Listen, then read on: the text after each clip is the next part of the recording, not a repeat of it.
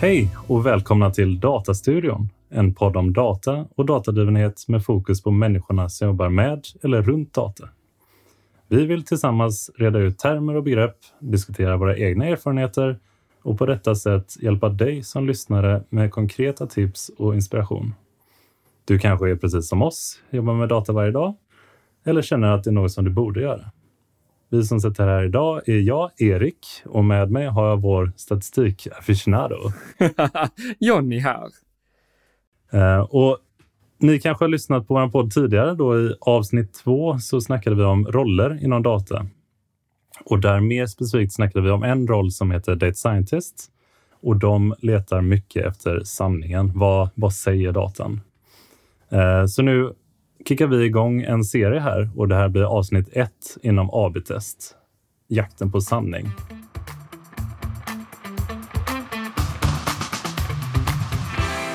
Och vad är ett AB-test, Jonny? Då kan man fråga folk, man delar upp dem i lika många grupper som man har grejer man vill testa. Och så frågar man dem, eller kan man testa dem på olika sätt? Vi kan gå in på det lite senare. Uh, och uh, givet deras svar så försöker man se, finns det någon signifikant skillnad mellan dem? Vad man kallar ett signifikanstest. Vad är då ett signifikanstest? ja, det här är ett, ett kaninhål man kan gå djupt i. Men det är ett statistiskt begrepp, begrepp för att uh, lite försöka avgöra om det verkligen är finns en skillnad mellan vad folk tycker om eller vad de här produkterna eh, anses ha för kvalitet om man ska säga så. Eh, för att göra det lite mer eh, konkret. Tänk dig att du har en hemsida som antingen är röd eller grön och du vet inte vilken design som du tycker är bäst. Då kan du istället dela upp och låta varje användare som kommer till din hemsida antingen få den röda hemsidan eller den gröna hemsidan. Och eh, så får du se om de gör det du vill att de ska göra. Till exempel köpa din produkt. Ett praktexempel på detta är ju när Google skulle välja färg på hyperlänkar så tror jag att de skickade ut, jag kommer inte ihåg siffran, men 65 eller något olika nyanser av blått och lila. Och sen testade bara fullt blås. Oh, wow, det visste jag inte. Och då betyder det att de behöver dela upp alla sina användare i, uh, i 65 olika grupper då, för en för varje nyans. Så varje användare som kommer in har en, en på 65 uh, chans på att få en av nyanserna och om de klickar på det så är det ett resultat att den här färgen var bra. Eh, och när man samlar ihop till mycket data så kan man börja jämföra. Eh, tyckte folk bättre om den här nyansen eller den andra nyansen? Ett annat område som det används flitigt i är väl eh, medicinen? Ja, och då, då kommer vi in i lite mer så här forskningsområdet istället. Det är, det är väl egentligen där AB-test är inspirerat från. Uh, om vi går lite tillbaka i tiden och ser vad, vad, vad man gjorde innan. Innan sån här med statist, statistik och uh, test kom in, uh, användes, så brukade man väl oftast, min tolkning i alla fall, att man eh, försökte teoretisera fram vad svaret borde vara. Skulle man kunna jämföra det här med om vi stod inför valet med den röda och gröna hemsidan Tidigare så har jag haft någon annan hemsida som vi inte behöver hitta på vad den var nu. Eh, och istället då så eh, tar vi in ett eh, gäng experter eh, och så sitter vi och försöker komma på är det den röda eller gröna vi ska använda och efter lite diskussioner så bestämmer vi oss för den röda. Eh, det kör vi på. Är det lite liknande vad du snackar om nu? Det är en rätt så bra beskrivning av det. Man, alltså, experterna avgör vad som är det rätta svaret istället för att eh, låta, låta det testas.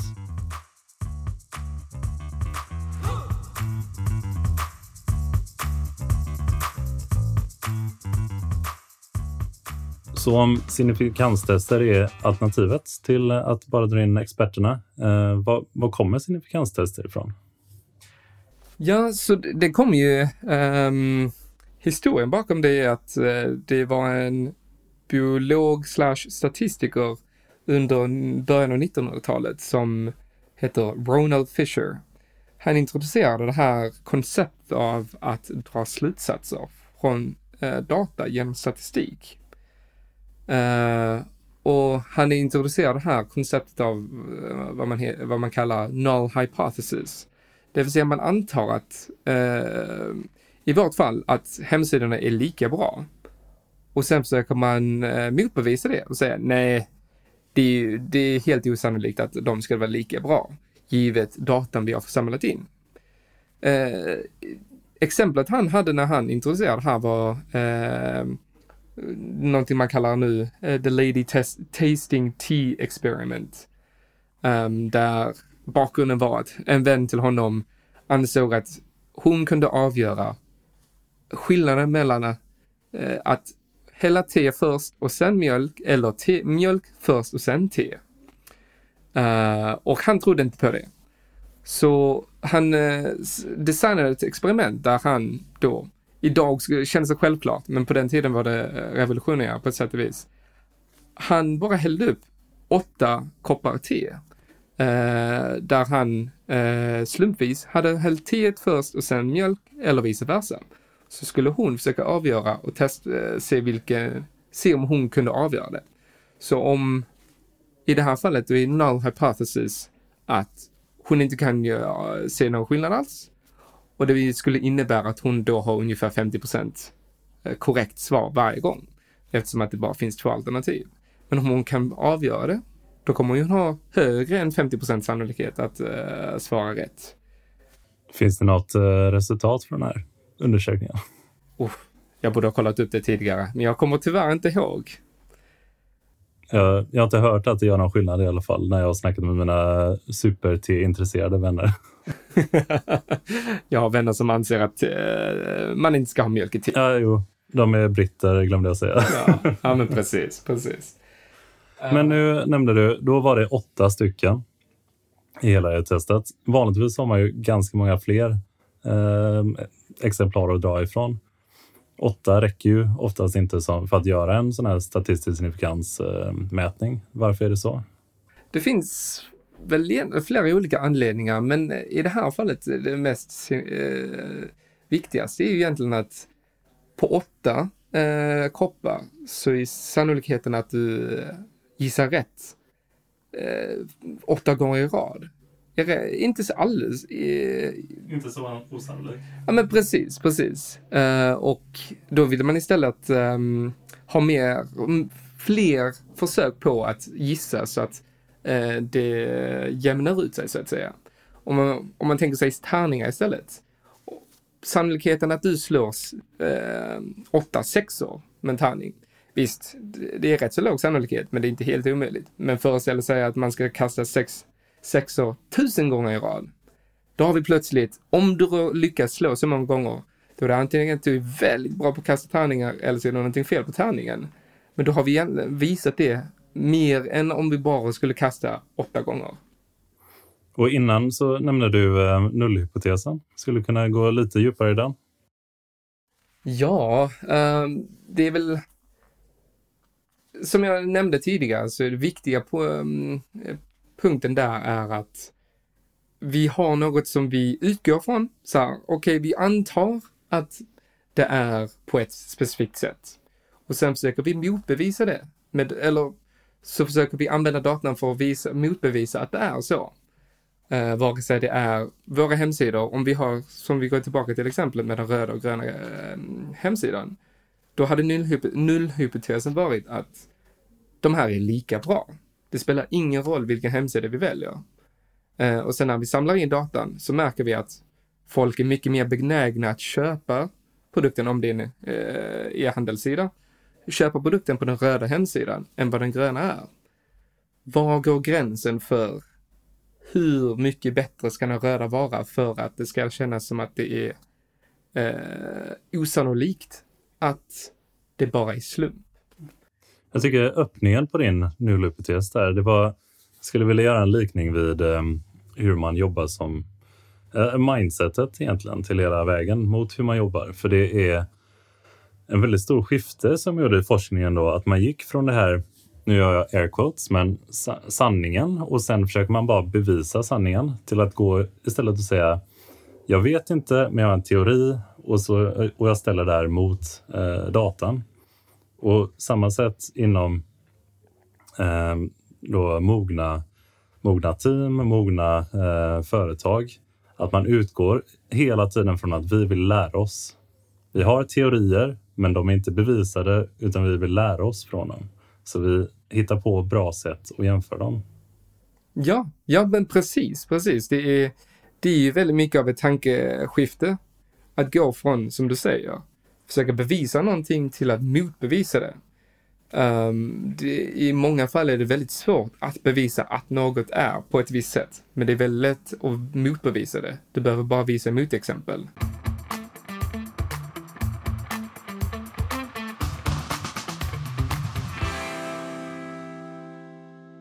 Alright, men då vi har, vi har en hemsida. Vi har tittat på våra två olika designer, rött och grönt. Eh, vi har kickat iväg ett eh, AB-test eh, som vi ska göra signifikanstest på. Ehm, hur, tar vi, hur funkar det? Hur tar vi beslutet från det här testet? Så det viktiga då är att man har samlat in, man samlar in data allt eftersom. Du samlar in faktumet att en viss användare fick se en design, den röda eller gröna hemsidan. Och sen samlar du in också datan om huruvida de eh, gjorde det som du mäter.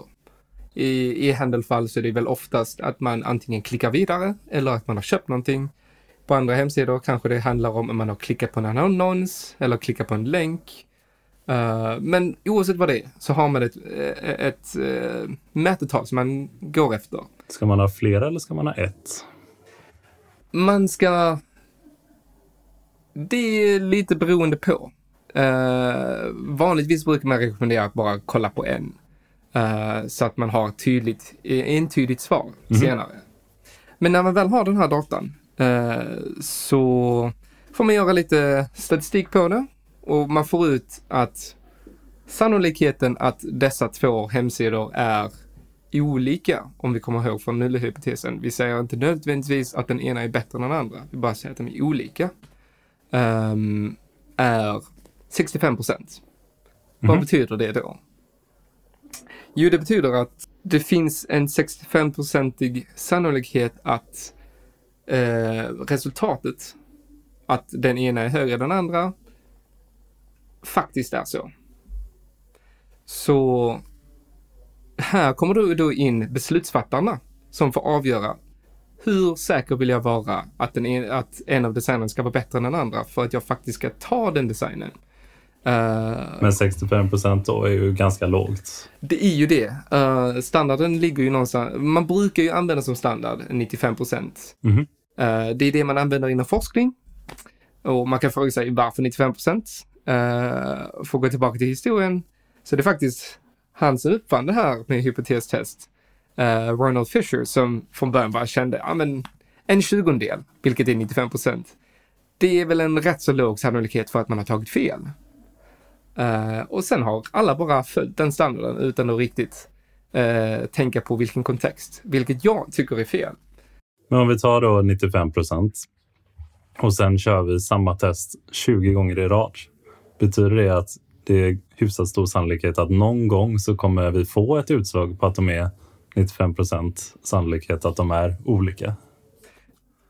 Precis. Eh, det här är alltid så lätt att ta fel på. Men ja, vad det betyder är att om du skulle göra det här testet 20 gånger, som du sa, så är det så sannolikt att ett av de här testen kommer visa att de inte är olika. Medan alla andra kommer visa att de är olika då. Ja, och nu det här blir lite krångligt att hålla med, hänga med på.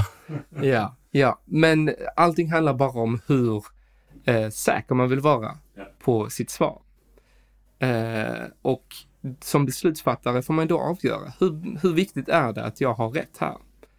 Eh, om du vill vara 95% säker, ja, då kanske, och testet eller datan visar på att det bara är 80 ja då får du nog anta att de inte är olika och så får, får du göra andra ändringar. Det är vikt, eh, en, en, eh, misstag i det här eh, experimentdesignen som vi pratar om i det här hypotetiska exemplet är att oftast så har man ju redan ett, eh, en grund, ett grundexempel och sen utvecklar man en ny. Det vill säga, din hemsida var redan grön från början, men du undrar om inte röd skulle göra den ännu bättre. Så då är frågan, vill vi gå över till röd? Och om testet med 95% säkerhet visar på att röd är bättre, då tar du den. Men om den visar bara 80% och det här är jätteviktigt för dig att det här är rätt, då kanske du fortsätter att köra på den gröna. För den gröna var inte så mycket sämre än den röda då i det här fallet. Så i medicinen så kör vi definitivt på högre procentsatser medan färgval på en webbsidedesign, oavsett om det kan leda till stora grejer, så är det inte någon, förhoppningsvis ingen som tar skada av att det är fel färg. Ja, men precis. Och att om det är bara så här, vilken font är det på den här knappen? Då kanske det räcker att du är 60% säker. Om du också själv tycker att det ser snyggare ut. Om experterna säger att det ser snyggare ut. Men i medicin, då kanske man vill vara 99% säker. Men det finns också omständigheter som gör att man kanske inte alltid kan ha det. Men med det, med det här sagt då, så att köra samma test 20 gånger i rad är ju oftast ingenting man ska göra. Både för att det kan börja bli konstiga resultat om man letar efter, alltså tillbaka till egentligen till att försöka jaga en sanning som man vill ska finnas. Precis, det är det, är det här som man oftast kan komma in, den här fällan. Eh, eller eh, rättare sagt, det är här man oftast kan börja tveka på statistik. När folk börjar prata om så här, du kan ljuga med statistik, du kan alltid vrida och vända på siffrorna. Det är så här ett av sätten man kan göra det på. Bara med till och många gånger så kommer det ändå någon gång av ren slump blir det resultatet som du kanske vill ha.